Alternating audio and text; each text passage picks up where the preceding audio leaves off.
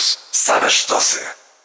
Audycja powstaje we współpracy z programem Warszawskiego Instytutu Bankowości Bankowcy dla Edukacji. Trzy grosze o ekonomii. Piotr Topuliński, dzień dobry. W nieco chałupniczych warunkach e, walczymy o to, żeby można było w naszych audycjach poruszać e, dalej aktualne tematy. Temat e, jest jeden, myślę, że się domyślacie, a postaramy się w dzisiejszej audycji poruszyć temat istotny dla Was, dla Waszych rodzin i czyhający na nas niestety w kółko. Z nami jest adwokat Marcin Zadrożny, ekspert do spraw cyberbezpieczeństwa ODO24.pl. Dzień dobry.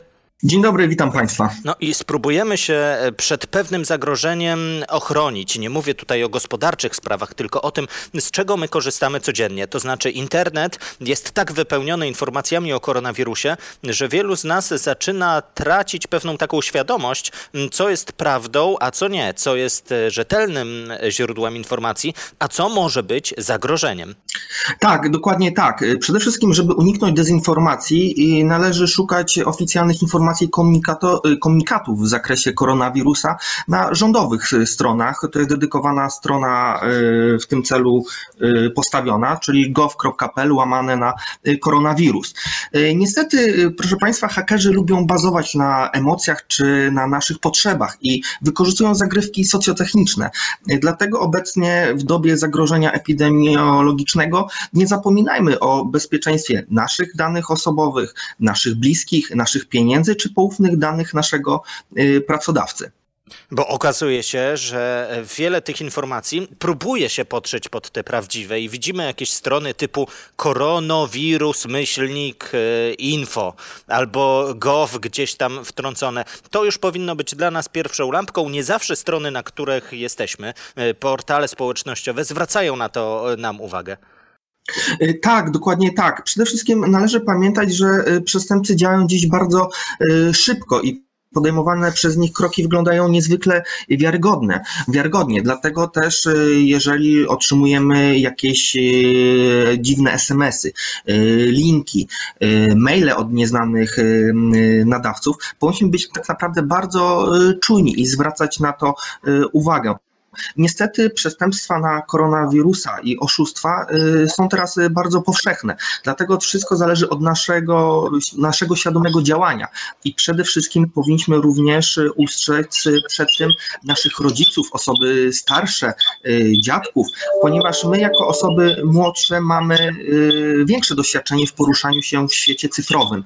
Osoby starsze, niekoniecznie. Ja staram się na przykład swoją mamę bardzo w tym zakresie edukować, ponieważ jako osoba już starsza jest y, bardzo wiarygodna i łatwo, łat, łakomym kąskiem dla tak naprawdę oszustów. To są ludzie, którzy z internetem teraz mają na przykład pierwszy, szerszy kontakt. Ja też próbowałem na przykład swoją babcię wyedukować w pewnej kwestii. Udało się i możemy teraz zrobić e, wideo call, ale e, nie zawsze jest świadoma tego, e, gdzie kliknąć, a gdzie nie. Tak, dokładnie tak. W związku z czym, e, jeżeli otrzymujemy e-maile zawierające linki lub załączniki z dokumentami, e, tak naprawdę pośpiech jest złym doradcą. Zastanówmy się, od kogo dostaliśmy e, taki mail załącznikiem. Czy to jest nasz znany nadawca? Niestety, otwarcie takiej wiadomości może skutkować zainstalowaniem na naszym komputerze czy smartfonie, bo proszę pamiętać, że smartfon to w zasadzie jest komputer w naszych rękach, wirusa bądź innego, inne złośliwe oprogramowanie. Tutaj rzeczywiście skupiamy się na ludziach starszych, ale niekoniecznie to muszą być osoby starsze, osoby również w średnim wieku, niekoniecznie są e, tak zaprzyjaźnione z internetem. Na dzień dzisiejszy dużo osób pracuje zdalnie i w związku z czym e, należy przestrzegać wewnętrznych regulaminów, procedur w naszej organizacji dotyczącej pracy zdalnej, ponieważ e, poprzez nasze błędne działanie możemy tak naprawdę narazić naszego pracodawcę na bardzo duże szkody, nie tylko finansowe, ale i również również wyciek jakichś cennych informacji dla organizacji. W tym momencie e, tak naprawdę e, przestępcy wykorzystują trzy scenariusze dotyczące koronawirusa. E, przede wszystkim informacje o rzekomym wsparciu żywieniowym, do uzyskania którego wymagane, wymagane jest logowanie naszego profilu zaufania.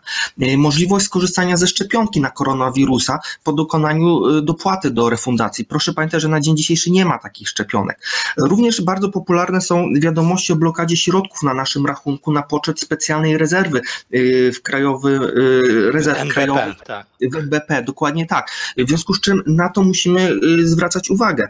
Nie możemy bezmyślnie klikać w linki, w wiadomości i tak naprawdę wykonywać to de facto potencjalny przestępca chce od nas. Przede wszystkim, jeżeli dostajemy jakąś podejrzaną wiadomość, która wydała nam się podejrzana, zanim podejmiemy, podejmiemy jakiekolwiek działanie, powinniśmy skontaktować się z instytucją czy podmiotem, od którego teoretycznie dostaliśmy wiadomość i zweryfikować jej autentyczność. Banki często informują, że o pewnych kwestiach nigdy nie napiszą w mailu czy SMS-ie, lecz skontaktują się osobiście lub przez aplikację bankową. Ale okej, okay, każdemu się może zdarzyć moment pewnego zawahania, rozmyślenia i e, kliknięcia, ściągnięcia jakiegoś e, załącznika i otwarcia go. Co wtedy? Mówię o sytuacji, gdy szczęśliwie nam się komputer czy telefon nie zmrozi na amen, ale e, będzie można podjąć jakieś kroki antywirusowe.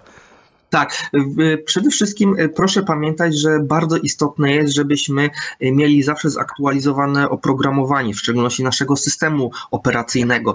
E, niezależnie czy to mówimy o systemie zainstalowanym na komputerze, czy naszym telefonie komórkowym, smartfonie, bo tam też jest system operacyjny. Jak również powinniśmy mieć zawsze zainstalowanego, zaktualizowanego antywirusa. Przede wszystkim te dwie rzeczy mogą nas uchronić przed negatywnymi konsekwencjami takich y, działań oszustów, którzy chcą y, nam zainstalować jakieś złośliwe oprogramowanie na naszym y, telefonie czy komputerze. A gdy stanie się już nieszczęście, to może wytłumaczmy, co to może być za nieszczęście? Co się może stać, jeśli e, hakerzy przychwycą nasze konto, jeśli na naszą pewną naiwność koronawirusową przekażemy komuś swoje dane, informacje o swoim e, koncie do Facebooka czy banku? Co może stać się dalej? E, przede wszystkim e, taki złodziej, oszust może e, albo podszyć się pod naszą osobę, czyli w cudzysłowie ukraść naszą tożsamość, w zależności oczywiście od jaki, jaki zakres danych pozyskał. Jeżeli omyłkowo komuś przekazaliśmy nasze dane do logowania do banku, tak naprawdę niezwłocznie powinniśmy się skontaktować z naszym bankiem celem poinformowania, że mogliśmy dane do logowania przekazać potencjalnemu przestępcy, a bank e, niezwłocznie jest w stanie zablokować tak naprawdę dostęp online do naszego e, konta i do naszego rachunku e, bankowego. Niezwykle jest istotne nasze czujne działanie. W tym momencie wielu ludzi poszukuje przede wszystkim maseczek na twarz.